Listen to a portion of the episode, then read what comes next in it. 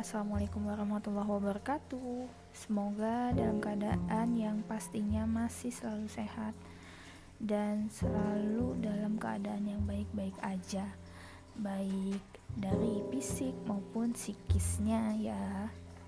Anyway, di sini aku mau sedikit cerita mengenai kejadian kemarin. Jadi kemarin itu aku uh, apa namanya datang ke wisudanya temen aku sebenarnya emang lagi covid sih tapi kampusnya itu yang ada di Tangerang mengadakan uh, wisuda tapi bersesi gitu. Jadi uh, dibagi-bagi uh, kelasnya dan uh, hanya beberapa puluh orang aja gitu di ruangan itu.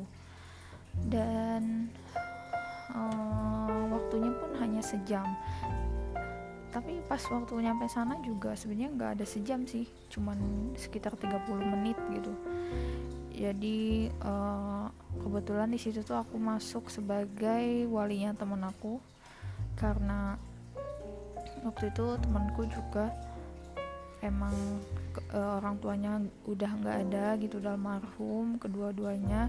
Jadi aku yang mewakili sebagai walinya di sana.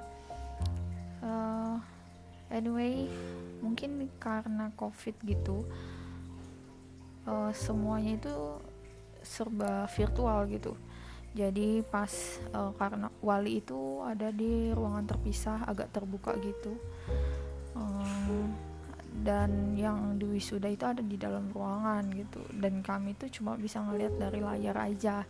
Dari layar TV sekitar ukuran ya tiga dua enggak lah ya empat 40 40 apa 42 in gitu.